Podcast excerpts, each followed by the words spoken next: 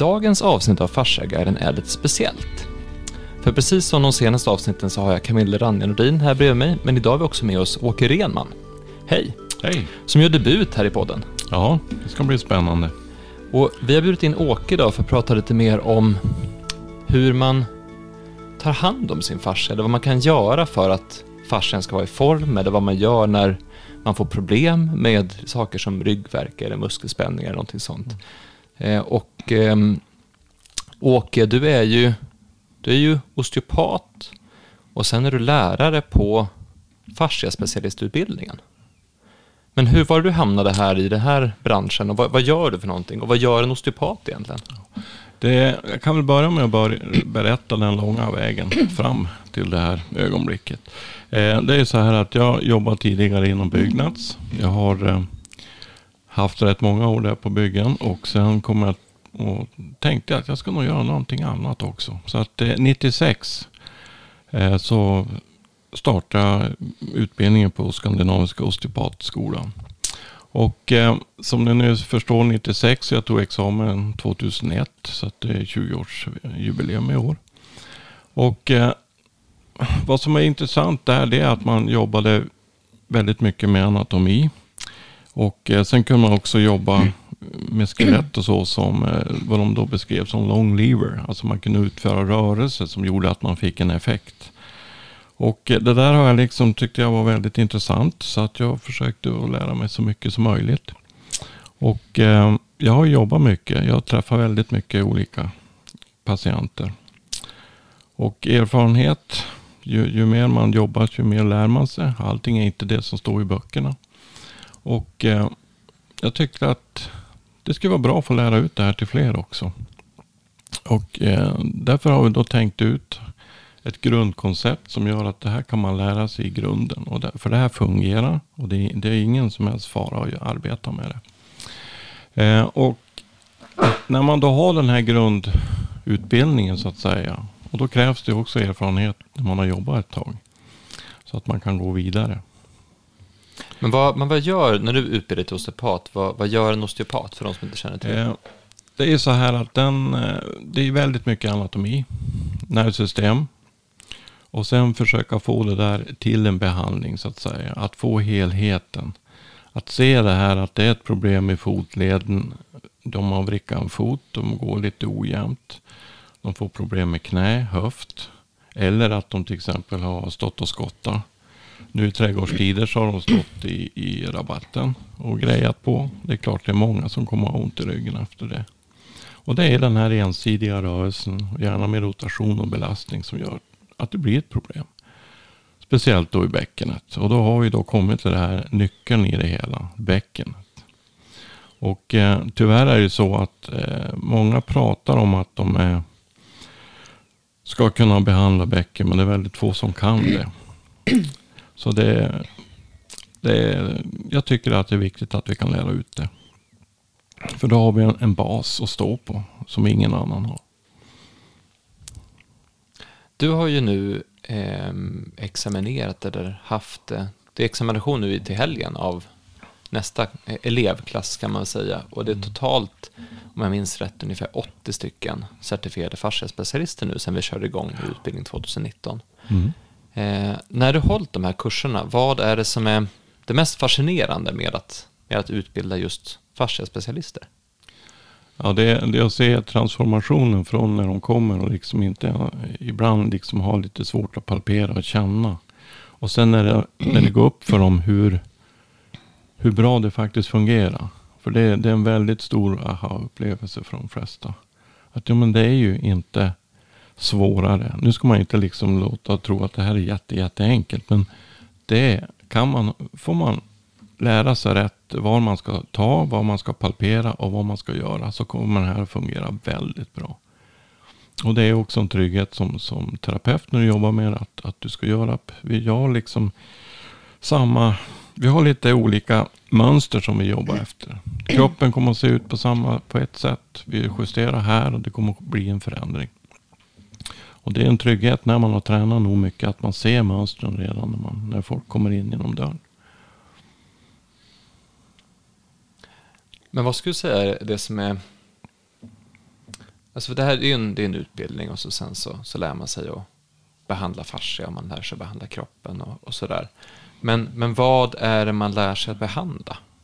Alltså var, varför ska man... Varför är det bra med en fasciabehandling? Eller vad, vad hjälper det mot? Eller? Ja, alltså, jag kan säga fasciabehandlingen i sig, det är ju en helhetsbehandling.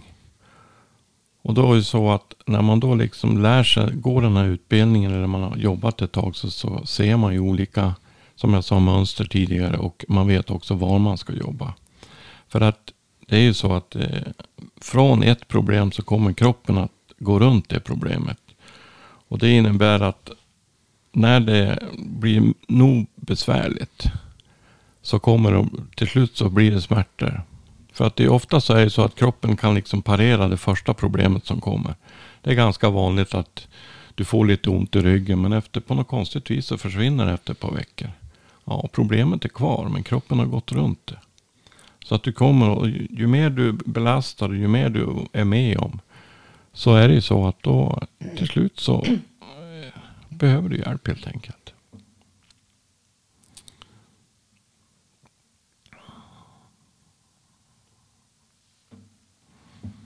Men sen är det ju så att fascian är ju väldigt speciell. Så att man, eh, det sitter ju som ett spindelnät i hela kroppen.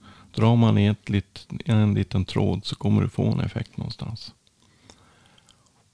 Så det är det som är, är det viktiga, att man förstår att man påverkar hela kroppen när man jobbar. Och så påverkar vi flödet. Som Och flödet, pratar, om, precis, pratar om ja. hela tiden. Det är, Exakt. det är flödet i kroppen Ja. som hela tiden påverkas. Så varje liten rörelse i kroppen. Det är det fascian behöver. Mm. Det är rörelse.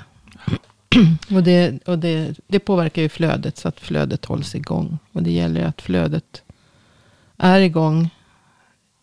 Så att det är en, en balans. Att allt, allt in och utförsel ur cellen, all bortförsel av slagg. Allting fungerar istället för att det ska bli instängt någonstans. Då. Som det blir om det är en snedbelastning eller Mm. ett ökat tryck.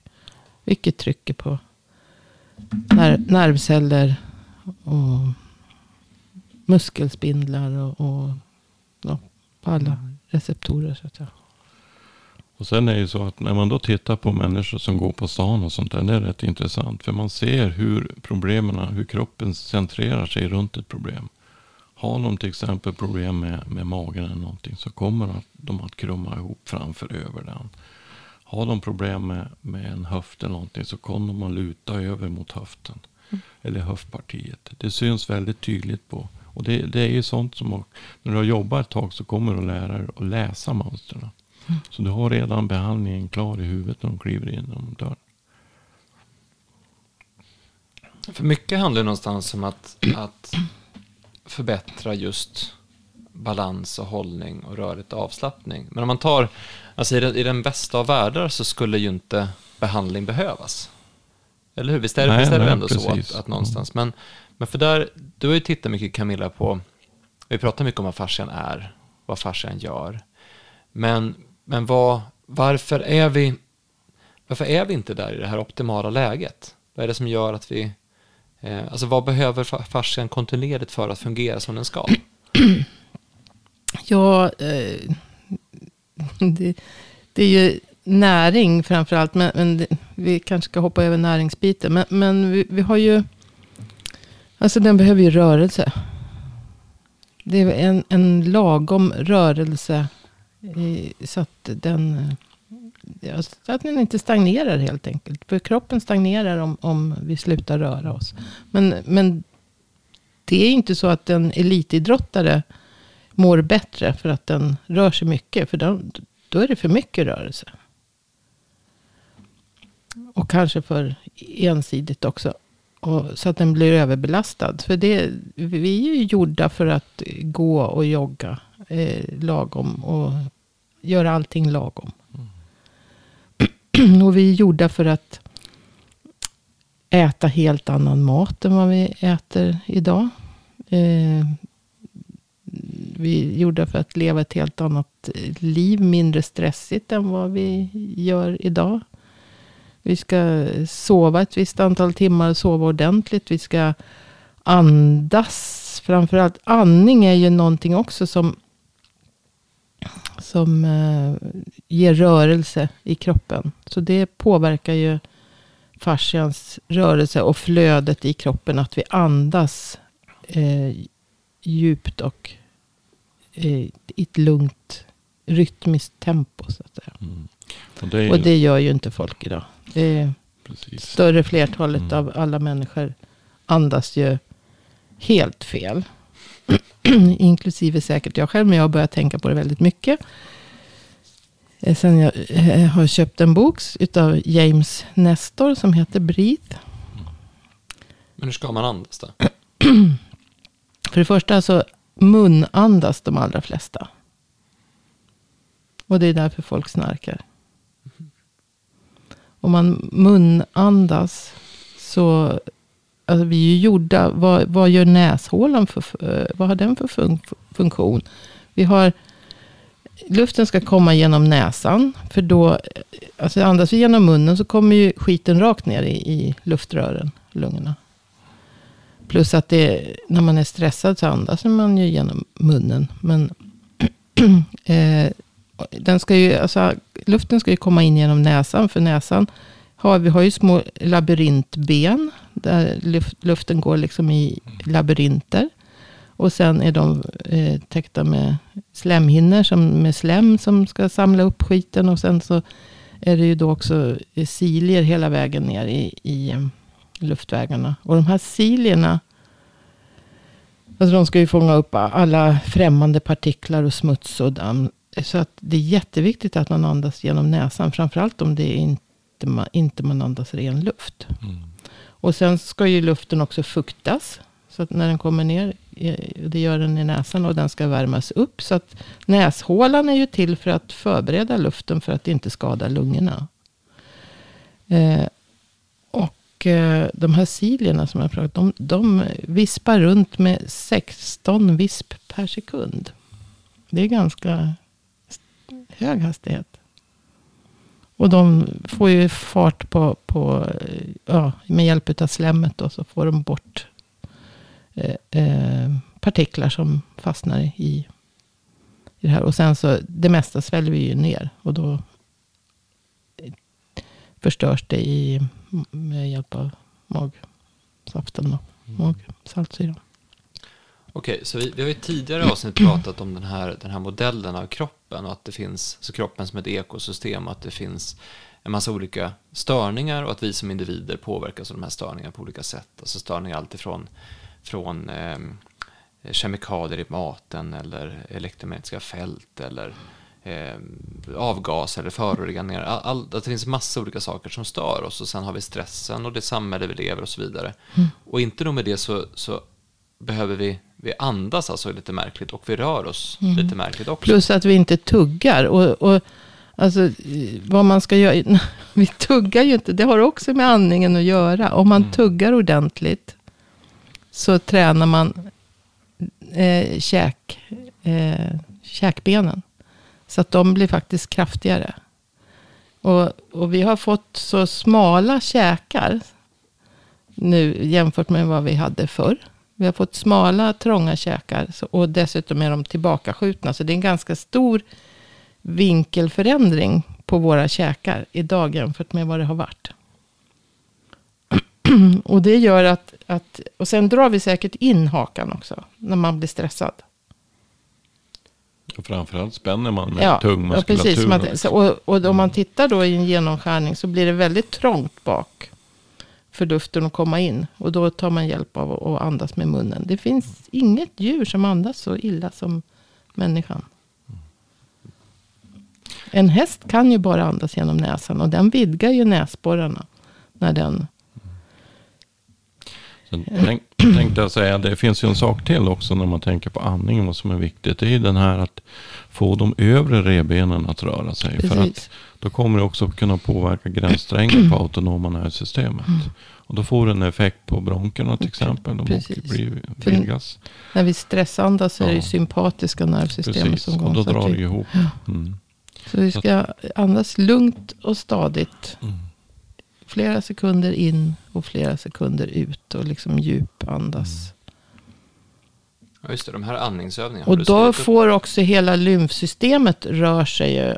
Eh, alltså, eller hela flödet i kroppen rör sig när lungorna rör sig och revbenen rör sig. Så, så blir det rörelse i kroppen. Så även om vi inte eh, rör oss, jag säger att vi är sjuka och så, men kan vi försöka andas så får vi ändå en rör, rörelse inifrån. Jag tror, apropå rörelse så tror jag eh, det var Gil Hedley som har sagt att eh, rörelse är, är ju det bästa för fascian. Och, och kan du inte röra dig själv så låt någon annan röra dig. Mm. Och sen är det ju så här att när man tänker på rörelse. Det är ju så, så ganska mycket förknippat med att man måste på gym och sånt. Eller, Mm. eller att man ska delta. Alltså det räcker ju några fem minuters alltså simma, stå rakt upp. Man gör lite knäböj. Sträcker ut musklerna. Alltså, vevar armarna bak. Alltså ryggsim stående. Alltså bara det rörelse som är Mm. frågan om. Då det, det är lugn, försiktig rörelse. Och det är väl därför yoga är, är så bra. Där Mm. får du ju med både andning och Ja. en lagom rörelse som både stretchar och fascia mår också bra utav, utav eh, inte bara liksom att dras ut, utan den mår också bra utav ett, eh, liksom ett, ett, att man liksom jobbar mothållande så att musklerna så att säga får kontrahera. För då när musklerna kontraherar, i och med att det är fullt med fascia runt musklerna, så, så rör sig ju fascian i den Förstår du vad jag menar? alltså, jag försöker, sitter här och försöker vifta. Men, men alltså att muskler, musklerna sväller och eftersom det är fascia runt alla muskler och runt eh, buntar inuti och, och runt alla muskelfibrer. Om, om allting drar ihop sig och sväller på mitten så kommer ju fascian också att svälla och, och liksom stretchas i den riktningen. Inte bara att man drar ut någonting och töjer. Utan fascian mår bra utav både kontraktion, eller liksom, det blir ju inte kontraktion för fascian. Då. Det blir kontraktion av musklerna, men det blir Det blir en lateral spridning på den. Precis. Så att den går åt sidorna. precis att, att kraften Mm. går åt sidan också. Vilket också får en pumpeffekt på flödet runt. Ja,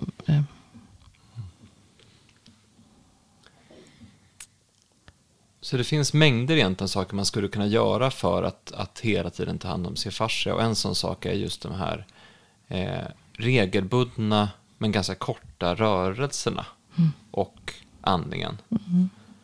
Hela tiden egentligen tänka på att andas med näsan. Att försöka.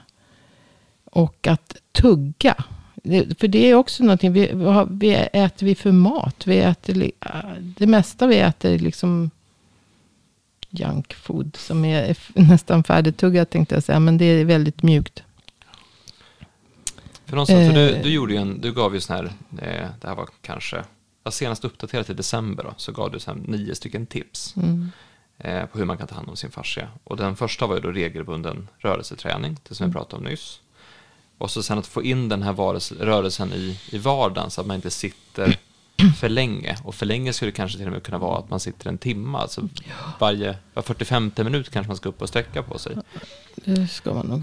Och så tänka på att man tränar, att man har en jämn belastning. Så att du pratade lite grann om förra gången, att man inte gör samma sak hela tiden. Äta varierat, eh, kosttillskott ska vi prata om lite senare, eller hur man gör, förstärker sin tarmflora. Eh, undvika socker i stor utsträckning och undvika stress. Det pratade om förra gången, det här med hur, hur stress och socker har samma skadeverkan på kroppen. Och sen så jo, se för stressen mobiliserar ju socker. Ja. Eh, och det var de åtta tipsen. För sen har vi det nionde tipset. Hade jag det inte skrivit andning där? Eh, du har inte skrivit andning här. Nej, men, jo, men, det, men det tror jag är med på rörelseövningar. Vi får uppdatera den listan sen då med andningsbiten. Men jag vet att du har gjort en lista på hur man kan, eller en tipsguide på hur man kan få fart på lymf, lymflödet genom att andas. Så det kanske är att de ligger där i.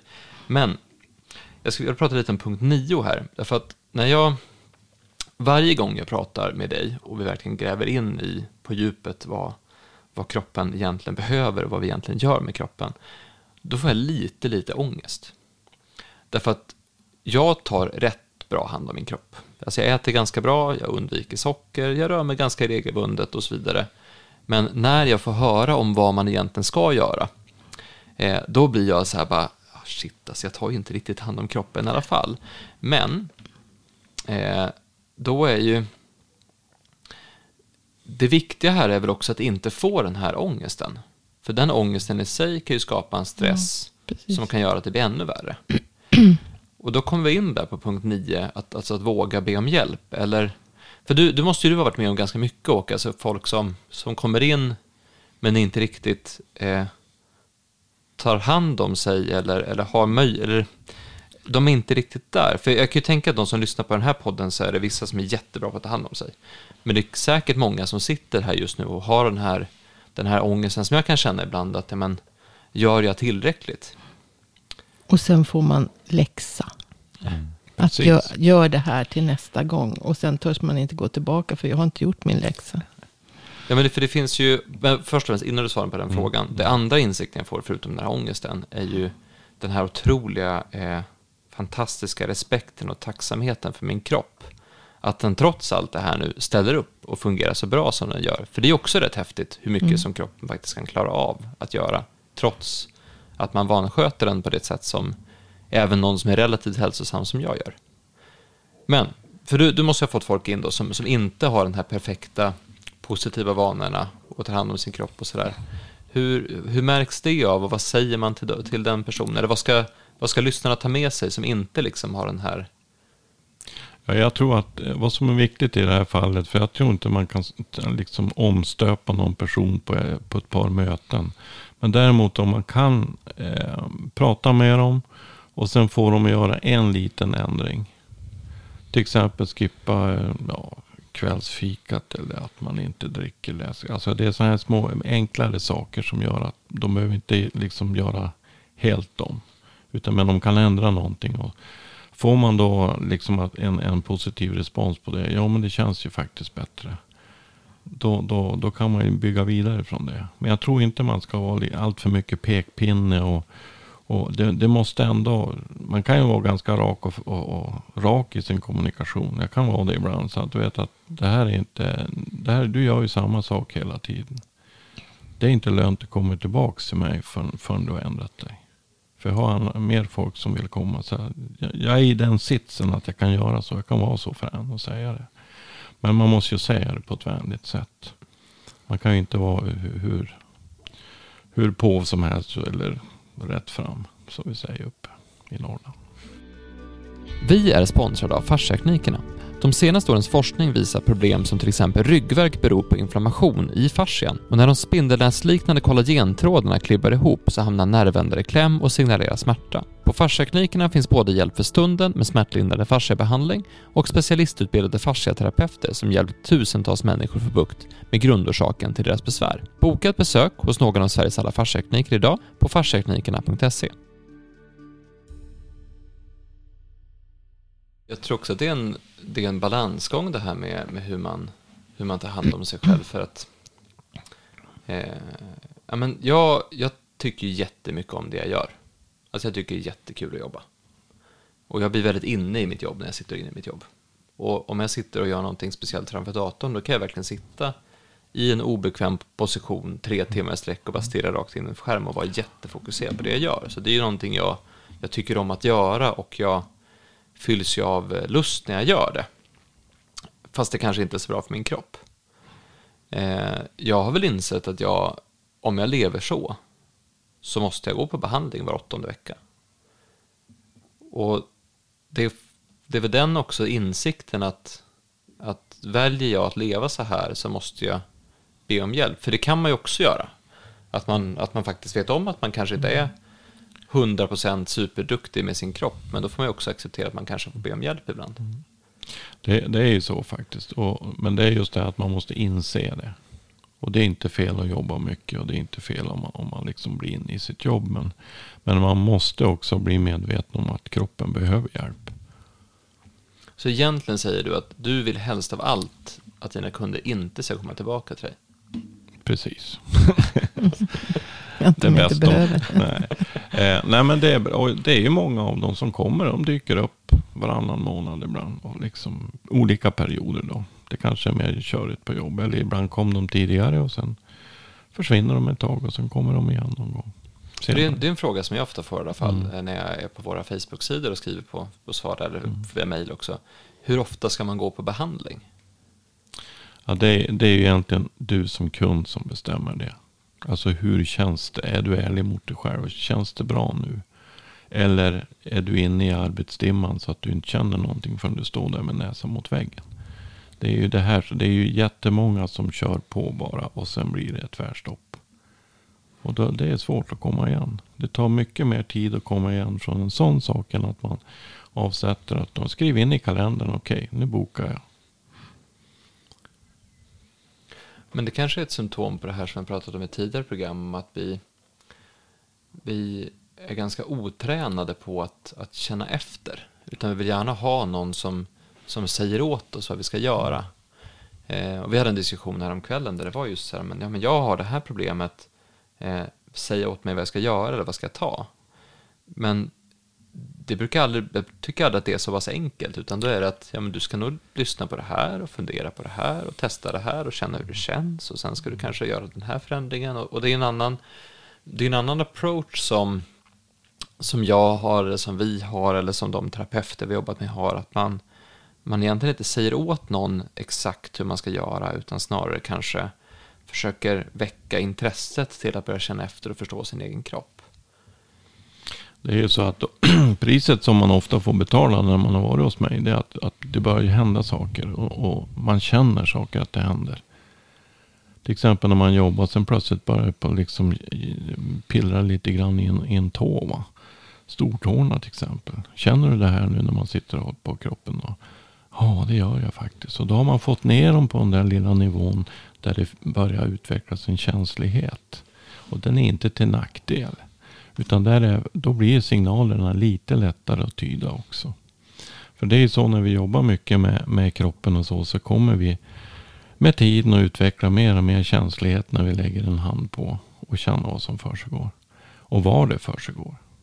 För det finns rätt roliga övningar man kan jobba med. Men det brukar bara gå bra från början. För sen blir det så skoj så att det blir lite mer fladdrigt. Men det, det är sådär. Man kan känna var, var aktiviteter pågår i kroppen.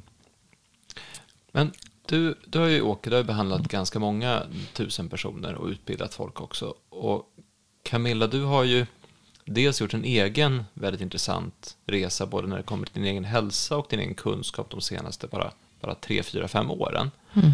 Eh, och även träffat många hästägare och, och så vidare också. Eh, nu ska jag ställa en fråga till er som jag fick den för några år sedan när jag var uppe hos en, en, en kund till oss och så sen så eh, han menar på att de flesta människor vet inte hur det känns att må bra. För de har aldrig mått riktigt bra. Alltså det finns som att tänkt att man är på en hälsonivå. Fast det finns en nivå till som många inte känner till. Skulle ni säga att av de ni har träffat stämmer den tesen? Eller är det så att det är många som inte riktigt vet hur bra man faktiskt skulle kunna må? Då tänker jag på det här med att man, ja, man kanske man kanske tänker att man mår bra fast man är alltid lite trött på morgonen eller man har lite huvudvärk på eftermiddagen eller man, man eh, blir lite andfådd när man anstränger sig eller sådär.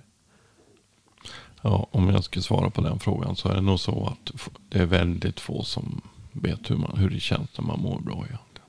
Mm. Och det är, lite, det är jättetråkigt för att eh, man blir, det är så påverkat av allting. Jobb och kost och hela, hela livssituationen egentligen. Vi är ganska stressigt nu. Och man vänjer sig. Man, man vänjer, man sig, vänjer sig vid, det, vid, att det är inget konstigt att man är stressad. Det är inget ja, konstigt det... att man sover dåligt. Det är inget konstigt att Ja, man har lite huvudvärk. Vi vänjer oss. Det är en av våra största styrkor och en av våra största svagheter. Det är precis vi är det som är fascians funktion också. Den mm. anpassar sig efter allting som vi gör med mm. Vi blir mm. vad vi gör, vi blir vad vi äter. Vi vänjer oss alltså.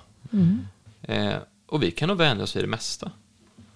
Det är en överlevnadsinstinkt. Det, det, vi, vi kan uthärda oerhörda saker. Sen har vi ju läkemedel. Ja. vi, vi, har ju huvudvärkstabletter. Och vi, ja, som smärtstillande går väl. Jag tror att eh, just, just läkemedelssamtalet tror jag vi sparar till en annan, en annan podd. Mm. Eh, men, men, men vi, om vi fortsätter på samma spår, för då, vi har ju någonstans pratat lite grann nu om, om eh, eh, hur man mår och så vidare. Och jag tänkte att vi ska ta upp två stycken lyssnarfrågor vi har fått.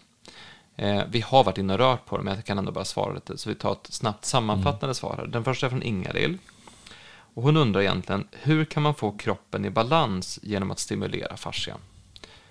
Och då tänkte vi, kan vi svara, hur, hur går det till? Hur får man bättre balans och hållning, eller får kroppen i balans, eller systemen i balans, vad man nu menar med balans, genom att stimulera fascian? Jag tänker att då kan vi ställa frågan till båda er, så får vi två helt olika svar. Japp. Vem vill börja? Nej, men, eh, om, om jag nu skulle, jag skulle träffa Inga-Lill här så ska jag ju då se vad är det som är problemet och, och fråga liksom och se om det, hennes berättelse stämmer med det jag ser. Och eh, så ska jag börja med att, att behandla hennes kropp. Eh, och då går, utgår ju jag från osteopatin, justerar bäcken och gör de sakerna jag brukar göra. Och eh, sen ska jag också känna på hennes eh, alltså kvalitet i kroppen. Eh, finns det cirkulation? Finns det, är, det, är det här liksom, känns det stelt? Finns det någon, någon liksom gung i kroppen? Finns det någonting som man kan liksom, finns det någon hälsa helt enkelt? För det finns liksom olika, eh, ibland känner man att jo, men det här är, är hälsa runt om, sen är det hårt på ett ställe. Då vet man, här sitter det någonting, här är det ett lokalt problem. Men sen kan man komma till eh, lite större områden. Till exempel om vi har en, en eh, trött höftmuskulatur som påverkar hela höften. Eller hela benet ner. Då är det ju ett större problem. För då kanske det känns bättre i överkroppen men sämre nere. Men då är det ju så då. Eh, som vi pratade om att det är ju en helhet. Så att ingenting är ju opåverkat. Men man kan hitta de här sakerna. Så det blir mer lokalt eller lite större områden. Men precis, och som, som terapeut då, det du gör, eller som fasciaterapeut eller som osteopat eller sådär, det du gör då, det är att du, du använder fascian, som alltså är strukturen runt varenda cell, till att känna av statusen på kroppen. Du känner det via att du känner ja, fascian. precis. Och det är en förmåga man kan träna upp. Det kan man träna upp, ja. Och det har ju du hjälpt då ett flertal elever att göra också. Eh, och då, då känner du först av då vad som är, vad som är i obalans kan man säga. Det kan man uttrycka det. Ja. Och sen så genom att då rätta till ett bäcken, släppa på spänningar i, i ben, i knän, i fötter, i rygg, skuldror. Så ändrar du kroppens balans och hållning. ja. Och då är det ju så att vi har ju en, en svank, en lordos som det kallas. En, den här kurvan längst ner i ländryggen. Och när den är i balans, när bäckenet är i balans. Och det är det här som är liksom hemligheten i det här. Att varför det fungerar så bra. Det är det att eh, då kommer den att lyfta över kroppen. Om ni tittar på en sån där eh, tågbro med en massa bågar. De här bågarna de håller ju själva tyngden av tåget så att säga. Och det är likadant när ni nu tänker på en bröstrygg och en svank, alltså ländryggen. De bågarna går ju åt olika håll men de lyfter. Och därför får du ju, från att du är ihopsjunken och axlarna åker fram, så kommer liksom bröstryggen att rätta upp sig. Axlarna åker bra och många axelproblem försvinner. Men har inte det lite att göra med också att, att kroppen vill må bra? Alltså att kroppen vill ha en rak hållning. Ja, ja. Det, det är ju den, vi är ju födda så. Det är när det blir för mycket av någonting som det inte blir bra. Så att en, en kropp som är, eh, tänk dig en kropp som är totalt, totalt avslappnad och totalt rörlig. Då är allting på plats så att säga. Ja, det kan man säga. Kruxet är bara att komma dit. Det är exakt den långa vägen dit, ja. För sen är det också så att ibland så, så kan man eh, ändra kroppens struktur så att man, man är där. Men sen kommer samma person tillbaka efter en vecka och då har det gått tillbaka lite grann. Mm. För att det finns ju, det är ju, vi har ju begränsad behandlingstid också. Sen finns det ju mönster i kroppen och, och ibland hinner man inte släppa allting. Och samtidigt så har du ingen kontroll över vad, vad kunden gör när de är borta. Men, Alltså, du sa eh, begränsad behandlingstid, så att som du fick behandla i fem timmar, då skulle det gå att lösa, eller? Jag vet inte om, jag tror inte de skulle vilja det. Nej, men jag, jag tror att, att eh, det där med be, behandlingstiden, det beror ju på hur, hur man jobbar också. Men det är inte självklart att det blir jättebra om man håller på i två, tre timmar. För det har väl också att göra med att kroppen har, har hamnat i ett läge, vi säger att du har en, en, eh, ett problem som du har haft, en ryggverk som du har haft i ett år till exempel. Då har ju den förmodligen kommit ur någonting som du har gjort i något år tidigare, eller två år tidigare, tre år tidigare. Och sen så har hela kroppen anpassat sig, som du sa tidigare, på att hitta ett problem runt om så att det inte gör ont men att problemet fortfarande finns kvar. Så det kan vara ganska mycket att släppa på en gång. Precis, för att det är ju så här att de kunder som kommer, alltså, du, är ju, du har ju liksom samlat på dig saker. Du cyklar omkull. Hur många gånger har man cyklat omkull när man skulle lära sig cykla? Jag slog upp knä massor med gånger, det vet jag. Jag körde ner i diket och det hände allting. Så att, jag menar, sådana där saker och du, du faller, du halkar in en trapp, du, du halkar ute. Någon av dem, det vet ni också när det är is ute, tjong så ligger man där någon gång då och då. Och i alla fall, de där sakerna finns ju kvar. Och det är ju en, en Kommer du till mig och är 25 eller 35 eller 40 och kanske inte varit på någon speciellt mycket behandling. Då är du ganska, du har samlat på dig rätt mycket under tiden. Sen har du kvinna kanske har en och två, tre förlossningar också. Och det händer det jättemycket med bäckenet. Ja, precis. Jag, har faktiskt nämnt det tidigare, för jag intervjuade dig för, för två år sedan, tror jag det var, Mm. om eh, hur många kvinnor som du behandlat som haft kroniska problem, där man kunde härleda det till en förlossning. Och det var ju väldigt, väldigt många. Det är, det är väldigt många. Och det, lyssnar man på anamnesen så frågar man när börjar det? Ja, antingen så har de ramlat om någon häst. Det är också ganska vanligt. Eller ja, efter, efter första barnet så, så blev det bara på bli jobbigt. Eller andra barnet. Och har de fått tre barn då är det garanterat snett i bäckenet. Så att då, då hittar man ofta där problem. Så är det ingen som hjälper en med det. Och sen om man fortsätter och nöter på då så får man höftledsartros. Så att, vi, vi kommer tillbaka till höftledsartros om en liten stund. För, men för att svara på Ingalids fråga här, så hur, hur ska man få kroppen i balans genom att stimulera fascian? Så det, det första du skulle göra är att titta på, vad har man varit med om? Då fråga och be personen svara på det. Sen också känna efter i kroppen. Var är det spänt? Var är det mindre liv och mindre rörelse, mindre avslappning? Eh, rätta till de större strukturerna. Och det gör man med fasciabehandling. Att man, man drar i fascian, eller man, man knuffar, eller man använder maskin, eller man oscillerar, vilket är att man ö, rör i det här. Eller man Gung- håller och Gungar. drar. Ja, precis. Och sen göra det här då tills det har släppt. För det är inte alltid det släpper på en gång, utan det kan gå tillbaka beroende på vilken typ av eh, livsstil du har eller vilka upprepade rörelser du har. Alltså har du, har du fått en snedställning av att har suttit mycket vid ett skrivbord, rättar till det och går och sätter vid ett skrivbord igen, då kan ju det hoppa tillbaka. Eh, och så vidare. Men hur du... Har du en kommentar till? Jo, jag skulle vilja säga det att också när man har behandlat någons långvarigt problem. Då är det väldigt vanligt att de kommer tillbaka nästa gång och säger det känns jättebra på högersidan men jag har ont på vänster sida nu. Ja, men det är en, behandlings, en positiv re, behandlingsreaktion för att de musklerna som inte fick jobba förut, de är, är tvungna att jobba nu. Därför att du har en helt annan balans och du har en helt annan gångstil. Så att det, det behöver inte vara av, av ondo så att säga att man får problem när man kommer igen. Eller efter första behandlingen. För det är också en annan typ av, av smärta. Det är inte den där huggande utan det är mer en trötthetskänsla eh, i muskeln. Ja, och sen om du har haft ena axeln längre fram än den andra i tre år, så sen så är de plötsligt jämna igen. Det är klart att det kommer kännas annorlunda i kroppen. Ja. Och annorlunda kan ju göra ont en stund. Så kan det ju vara. Det kan vara bra. Men Camilla då, för jag tänkte få ditt perspektiv på det här som skulle vara lite åt, åt det andra hållet, mer vad händer inuti lite grann sådär. Hur kan man få kroppen i balans genom att stimulera fascian? Vad är det som händer?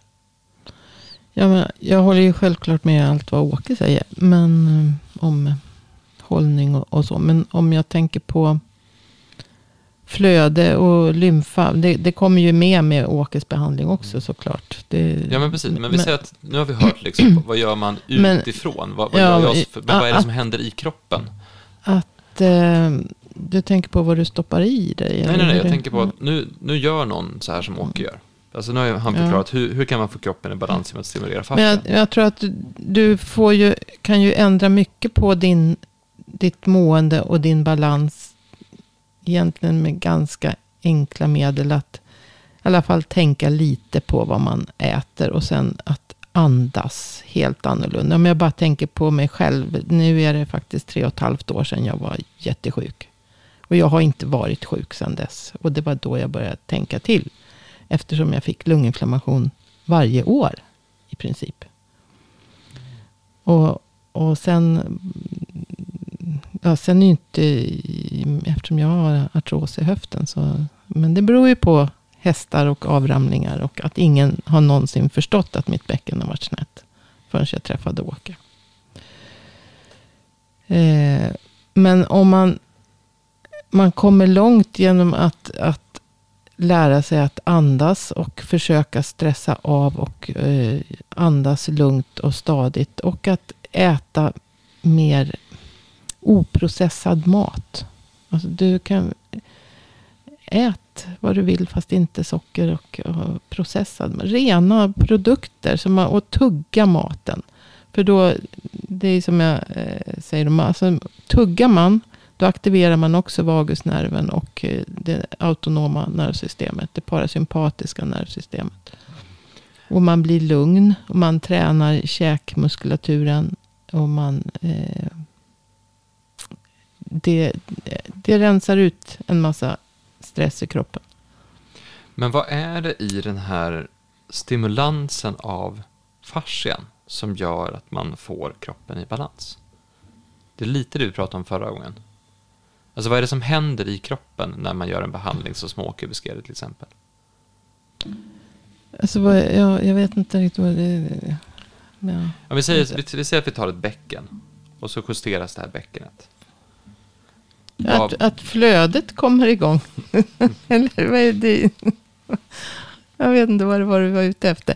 Men, men alltså, om, om man justerar ett bäcken. Och, så påverkar ju det flödet i hela, i hela kroppen. Och om allting kommer rakt. Så blir det ju en, en mer balanserad kropp. Och då kommer även flödet att vara mer i balans. Att det kommer ut i varenda cell. Och avfall från dit det, det, det ska. Så att säga. Och framförallt så lymfan fungerar. Och lymfan är ju bland det, det är otroligt viktigt. Fast folk inte knappt hört talas om det. allra minst läkare. Men berätta då, varför är det så viktigt? Vad är det som händer? För att du, du har pratat om, eh, nu, nu, nu har vi haft en kropp som har varit i lite obalans då. Mm. Och så sen så tar vi och med behandling så, så ser vi till att kroppen hamnar i balans. Och så börjar då strukturerna förändras lite grann, flödet förändras lite grann. Det här måste ju säga åt eh, fibroblasterna att ja. förändra kollagenstrukturen i kroppen också. Och så sen aktiveras lymfsystemet. Vad händer då när lymfsystemet aktiveras i högre grad än det var i den här kroppen som var i obalans? Då? Då kommer, alltså när lymfsystemet aktiveras så, så får du ju bort allt. Det samlas inte eh, en massa slagg och eh, instängd vätska, ödem, på eh, ställen i kroppen där det är, som blir ett högre tryck. Utan, och nervreceptorer fungerar som de ska. Det blir inget högre tryck på dem någonstans. Utan de får de signaler de ska. Eh, immunförsvaret framförallt fungerar ju optimalt om, det, om eh, lymfsystemet fungerar också. Vad händer med, med de här honungskakorna av hyaluronsyra som ja, du pratade om som steckovisare? De du var ute efter. Nej, jag var inte ute efter någonting. Jag tänkte bara... Det är Nej, intressant men, hy Hyaluronsyran som är alltså en icke-newtonsk lösning då, eller i, i hyaluronsyra vatten, i fysiologisk vatten. Eh, det, den beter sig lite skumt då, så det, den ändrar ju konsistens efter kroppens belastning kan man säga. Efter temperatur, efter pH. Så att det, är, det är också något, är du sur i, i, i kroppen. Eh, för att du kanske överanstränger dig, får mycket mjölksyra, det blir instängt någonstans. Då påverkas ju fascian utav det. Och hyaluronsyran påverkas utav det. Och eh, då, då får du en trögare, mer viskös, alltså mer trögflytande hyaluronsyra mer trögflytande flöde. Vilket gör att muskulatur, muskelfibrer, all, alla fascia lager glider inte mot varandra som de ska. Så att då blir det obalans. Och det här kan man ju då med hjälp av behandling. Och rörelse framför allt. Men som jag sa, Gil Hedley sa. Om man inte kan röra sig själv så låt någon annan röra dig. Eh, att alltså antingen att man rör sig passivt eller med behandling. Att man, så att, så att, att man får igång det här flödet. Och då får man också fart på den här hyaluronsyran. Så att den istället för att stänga, binda sig själv eller bita sig själv i svansen. Så att det blir som en honungskaka och stänger in vatten. Så brer den ut sig och binder vatten. Så att det blir ett mer ett bättre flöde. Flödet kommer fram mellan hyaluronsyremolekylerna kan man säga. Alltså jag, jag, tror någonstans att det vi, det vi hittar en bra en övergång till är nog det jag tänkte vi skulle prata om sen. Och det är just den här, det som du pratade om med den här artrosen du hade, olika typer av besvär och problem. För det som fascinerade mig så mycket när vi började, när vi började jobba med det här, för vi, vi hade ju en klinik och på den kliniken tog vi emot kanske, vi tog emot kanske 5000 personer. Så tog vi bilder före och efter och så kollade vi hållningen och så behandlade vi dem så att de blev raka, just precis som Åke beskriver, att man ser till att kroppen just är, är rak och i balans. Och det vi märkte med de behandlingarna var ju att problem som folk haft länge försvann, alltså problem som är väldigt, väldigt märkliga. Alltså hur kan det här försvinna? Mm. Utan medicinering, utan operation, utan tillförsel av någonting annat än bara, bara eh, stimulans av fascian, alltså bara att, det, bara att det rättas till. Och det var då vi tog fram den här modellen om, om trappan som vi pratade i avsnitt 19, om att, att när du är när kroppen försvagas hela tiden av de här olika störningarna och så någonstans råkar man ut för någonting som gör att man får svårt att sova till exempel eller får lite ont och så får man sämre rörelse och så faller man ner på den här skadan. Men någonstans hur vi genom att bara se till att kroppen är i balans, att, att hållningen är bra, att rörelsen är bra, att avslappningen är bra, så är det som att kroppen själv kan, kan läka massa mm. saker. Mm. För vi, vi har ju haft den här kursen, Åke, vi, vi, tog ju fram den här kursen tillsammans och den byggde mycket också på det som Camilla hade gjort med sin kurs för hästar. Och så har jag gått den själv eh, med dig. Och någonstans pratar vi också lite grann med vad, vad kan vi behandla och vad kan vi inte behandla? Så finns det några, finns det några som du egentligen inte tar emot och behandlar? Ehm, eller om vi säger så här, kanske inte exakt vilka du inte tar emot, men, men vad, vad, kan man, vad kan man lindra eller hjälpa till med? Eller vad kan man göra egentligen med den här typen av behandling? Alltså, det är ju så här att, att du kan ju få effekt på det mesta. Eh, men ibland när, när, folk kommer med något svårt problem. Vad jag tycker är värst att, att jobba med. Det är, eller svårast att få resultat. Det är efter operationer. När de har skurit genom bukhinnor eller någonting. Och, och de har varit inne och, och grejat. Eh, det blir en ganska kraftig ärrbildning. Och det blir en påverkan.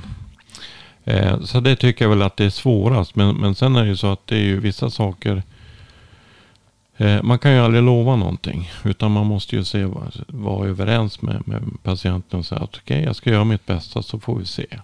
Det roliga är dock att ofta blir det effekt på sånt som de inte tänker sig att de ska få hjälp med. De kanske kommer med en smärta. Men eh, det slutar med att de i alla fall får sova bättre. Men jag får inte bort smärtan. Det är sådana saker som, är, som kan vara intressant. Sen också när vi kommer in på det här med artros. Eh, det är ju en, en snedbelastning som har varit för länge. Och eh, då är det ju många som tänker, ja men artros, det kommer aldrig ändra sig någonting. Men det går faktiskt göra någonting. Vi kan släppa tryck, vi kan få en bättre balans. Och det innebär också att kroppen kommer att kunna reparera sig själv. Om den får vara i fred och få ett, ett läge där det inte trycket är samma. Så att eh, för att hela tiden sker en reparation i kroppen. Om inte vi reparerar oss själva så skulle vi inte leva speciellt länge ska jag säga. Hela skelettet byts ut på fem år. Och ledbrosket. Och ledbrosket också. Byts ut. Byts. Eller det, det läker ju, eller reproduceras ju lika fort som en muskelskada. Mm.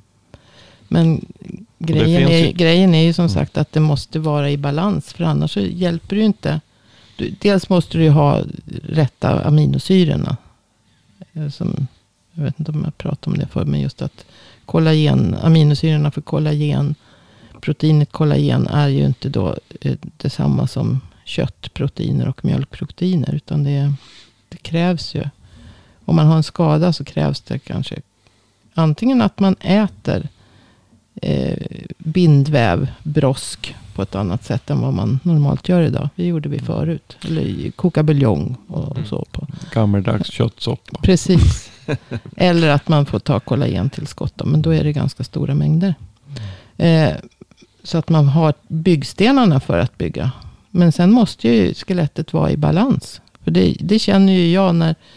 Jag har ju fruktansvärt ont ibland när jag blir sned.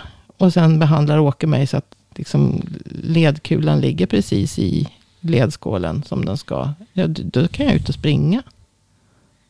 Jag är ju så dålig kondis så att det orkar jag inte. Nej, men så principen egentligen är ju att du behandlar inte artros. Utan du behandlar kroppen på ett sånt sätt så att kroppen kan läka problemen Precis. som har Mm. skapats i Ja. kroppen. Mitt jobb är att ändra förutsättningarna. För. Mm. Så kroppen läker sig själv. Och med rätt förutsättningar kan kroppen läka nästan allt, eller?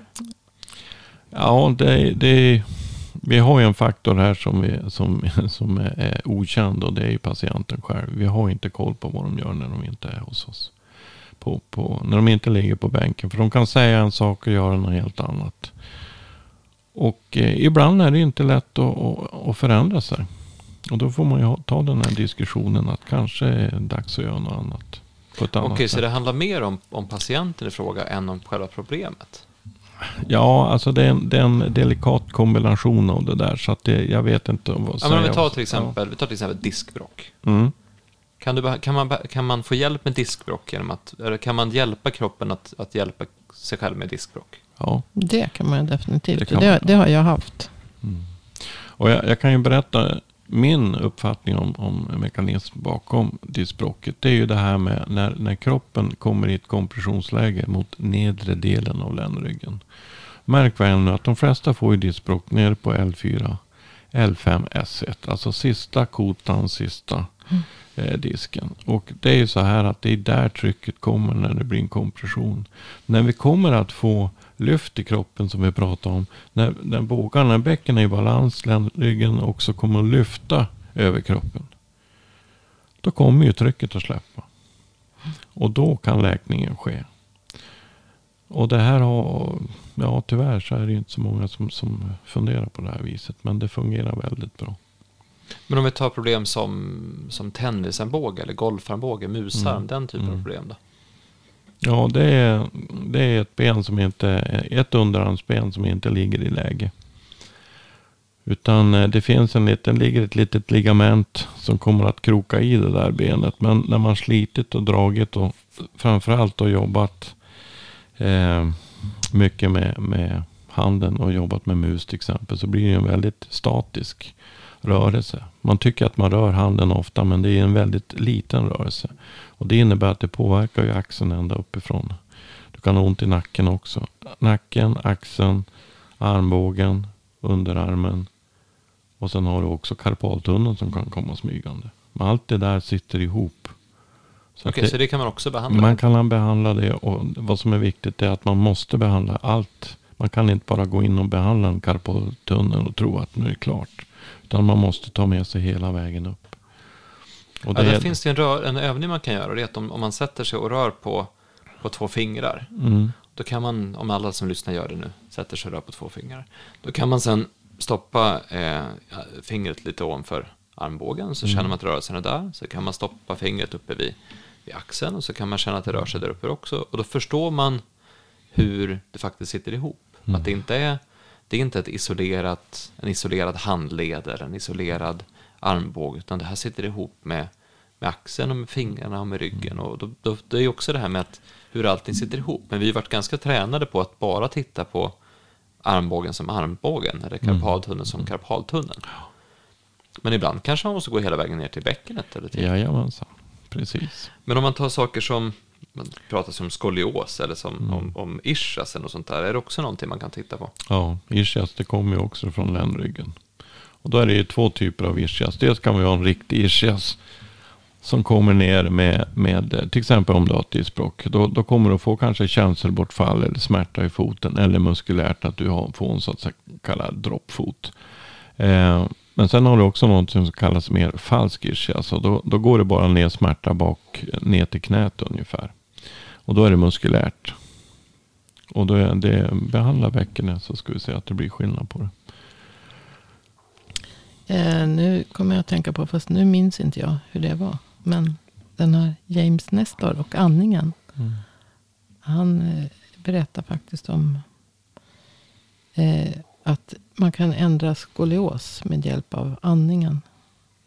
Mhm. Och då alltså, men det kan vi ta upp en annan gång när jag har vill läsa på. när jag hunnit på det. på det. Ja, Men jag kom på det nu när du pratade Ja, om skoliosen. ja. Att han, han alltså eh, eh, eh, redovisade ett fall, om det är ett eller flera fall, med, som hade fått ordning på kraftig skolios.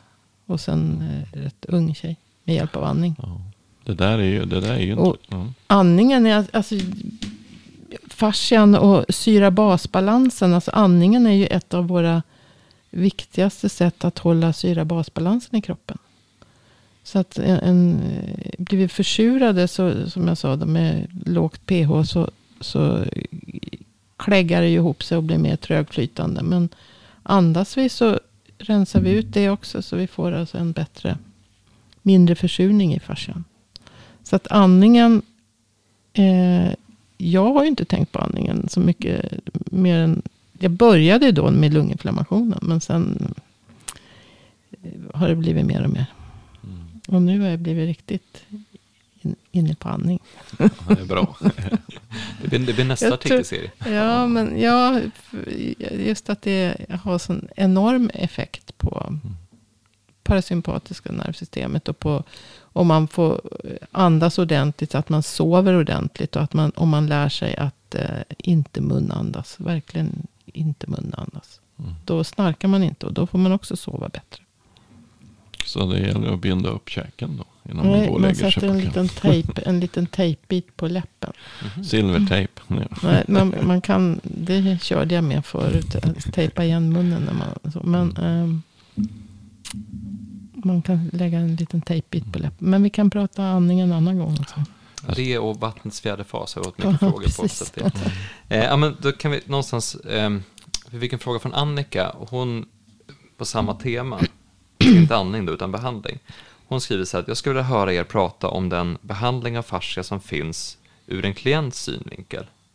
Det är än så länge ganska anonym behandlingsmetod och den reklam jag står på är liten och mer riktad mot behandlare. Jag är inte en behandlare utan en som har, har haft ont och har ont och sökt efter ett sätt att må bättre när jag hittat er. Eh, jag köpte lite en- alltså kosttillskott och är med på hur allting hänger ihop, men jag har aldrig testat en behandling. Eh, kost och vitaminer i all ära, men vilken typ av träning och rörelse gagnar fascian? Så jag är nyfiken på hur det går till, hur det känns, vilka fysiska sensationer, reaktioner som kan uppkomma i kroppen under och efter en behandling och hur man kan komplettera rörelse och stretch med att på bästa sätt ta hand om sin fascia. Och sen finns det någonting forskat på det här undrar också. Alltså rörelse, jag, jag skulle ju säga yoga. Mm. Alltså yoga, yoga helt outstanding. Därför att du får, och då kommer andningen med också. Ehm, Så få in den här, den här korta yogasessionen varje dag. Eller den, det behöver inte vara precis yoga, men den typen av, av rörelser. Det finns ju qigong och saker också Jo. såklart. jo.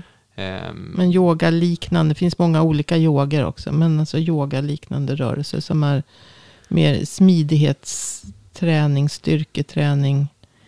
In, inte sån alltså, hård träning på, på det sätt som man kanske tänker på när man tränar. Så. Men, men nu pro, promenader om vi tar själva behandlingen då. För det första jag tänkte på när vi pratade nyss om alla problem, så, så det låter nästan lite för bra för att vara sant.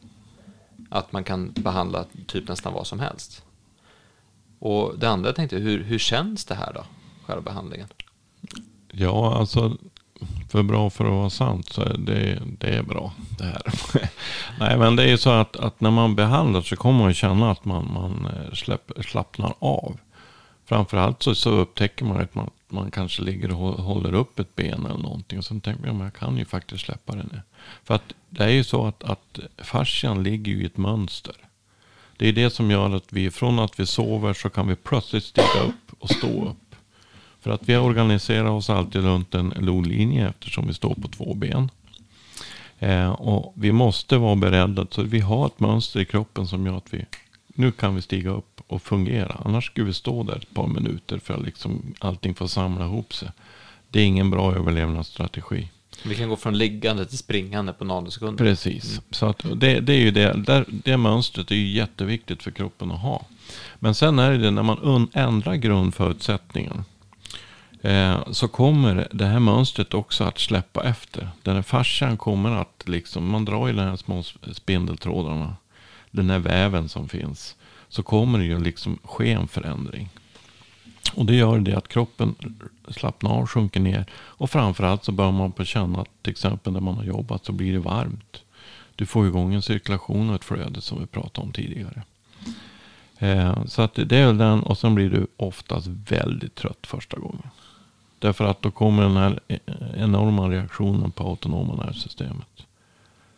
Att du, du blir liksom helt avslappnad, du blir trött. En del blir jättepigga också, men de är inte många. Men det blir oftast en reaktion. För att det, det är ju en effekt av just den här spänningen som man går omkring i.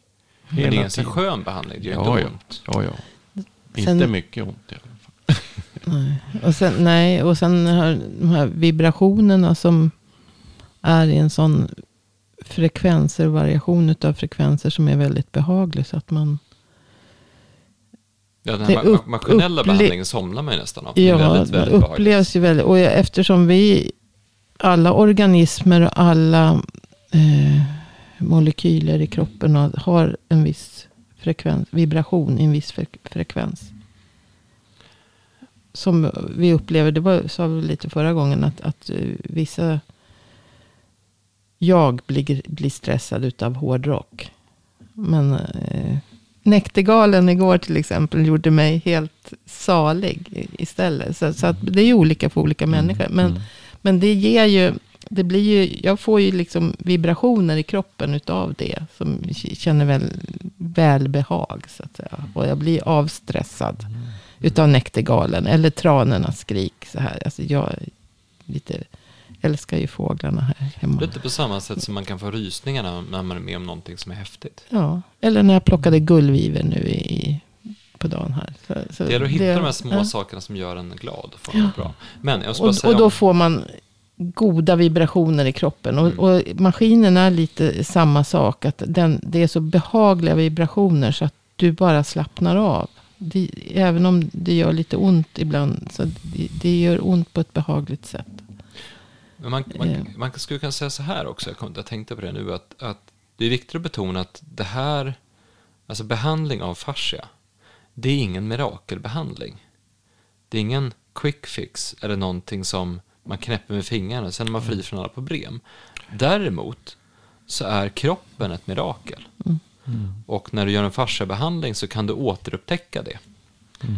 För att om man tänker efter vad, vad kroppen gör, vi pratar väldigt mycket nu om vad fascia är för någonting, vi pratar om vad fascia gör och sen har vi massa avsnitt där vi pratar om, om hela vårt sätt att se på kroppen, hur vi någonstans har förminskat kroppen och kroppens, alltså vi, vi lär oss inte lyssna på kroppen och förstå hur fantastisk den är.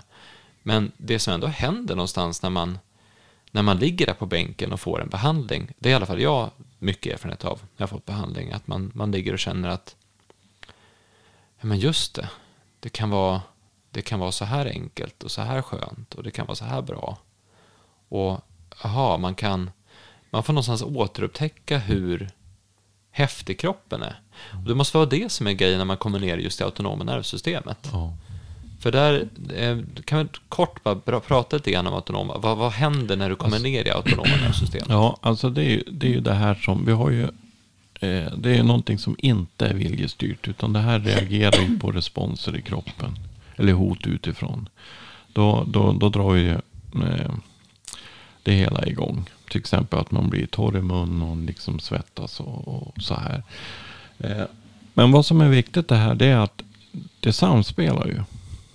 Så att för att det ska, ska fungera, det här eh, eh, parasympatiska, det är ju det som håller grundtonen. Hjärtslag, tarmens rörelse, matsmältning, alla de här eh, njurarnas funktion, allting. Och sen kommer ju då det eh, sympatiska påslaget.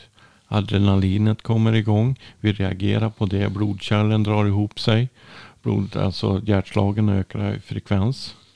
Och även liksom det styrs om. Liksom vi får mindre blod, lite mindre blod i, i armar och ben. För att vi ska liksom kunna försvara oss och klara att, att, eh, att kämpa. Eh, så vi inte skadar oss och sen förblöder på en gång. Eh, även om vi blöder nu ordentligt om vi gör något. Men alltså det finns vissa små, små eh, saker med det där. Eh, så att det där går ju att påverka. Och när man då liksom får det där att fungera optimalt så kommer också kroppen att kunna eh, sköta det den ska. Så att säga. Eh, ännu mer. Jag tittar på Camilla här nu. Eh. Ja, men men du, inget- du pratade tidigare om att komma ner i det autonoma Ja, nervsystemet. precis. Ja, det är parasy- det? ner i det parasympatiska och upp i det, upp i det Ja. sympatiska Ja. brukar man ju Det, säga då. försök- Det, Precis, för att ofta säger så att när båda patient, hör till autonoma. Mm. det är samma, eller det, de hör till icke viljestyrda. Men det, när patienten kommer till dig så är det ju det sympatiska som är på, påslaget. Det är ju nästan aldrig någon som är, är för liksom helt cool som kommer. Alltså som är inte, de har ju problem när de kommer. Alltså har du ett påslag. För kroppen uppfattar det som ett hot. Har du ont så, Har har du- så, så är det på- påslag. Så är det. Okej, så att, att vara i det parasympatiska nervsystemet. Det, det, bilden av det är någonstans att man sitter och är totalt lugn och Fast det är ju, de är ju i balans. De Du har ju påslag i det sympatiska även om du är fullt frisk och hälsosam. Så att säga. Mm. Fast så fort du är aktiv så är det sympatiska Mm. igång. Och, fast det får ju inte, liksom, man får ju inte bli för mycket i det sympatiska och trycka ner det parasympatiska. För Precis. då stänger ju då stänger ju reparationen av kroppen i, av. För att det parasympatiska det är det som är igång när vi sover. Det är det som är igång när vi eh, matsmältning. Och, Mm. Och, det är det och som störs när vi har för mycket stress i kroppen. Har vi för Ja, mycket stress då blir det för mycket sympatiskt. Och då kommer det att dominera ner det, det parasympatiska. Så att, Och Det sen låter är, ju väldigt osympatiskt. Sen är det ju så också att, att om, du, om du ligger på en väldigt hög stressnivå. Och eh, då måste man också vara medveten om att sömnen kommer att vara väldigt störd också. mm. Därför att du kommer under tiden inte hinna ner. Speciellt om du, om du har fysisk aktivitet för det. Det är någonting jag rekommenderar om du känner dig stressad. Det är jättebra om du får ut och springer eller bara tar en rask promenad. Ut Så du i får ett- skogen. Få ett utlopp. Ännu bättre om du är i skogen. Inte på Mm. löpbandet på, på, på, Mm, på, ut ut i gymmet, skogen, ut- lyssna på fåglarna, titta på växterna, lukta på träden. Alltså känn skogens dofter. Det spelar ingen roll om det är höst eller vår eller sommar eller vinter. Det, det har en lugnande effekt. Precis. Klappa en hund.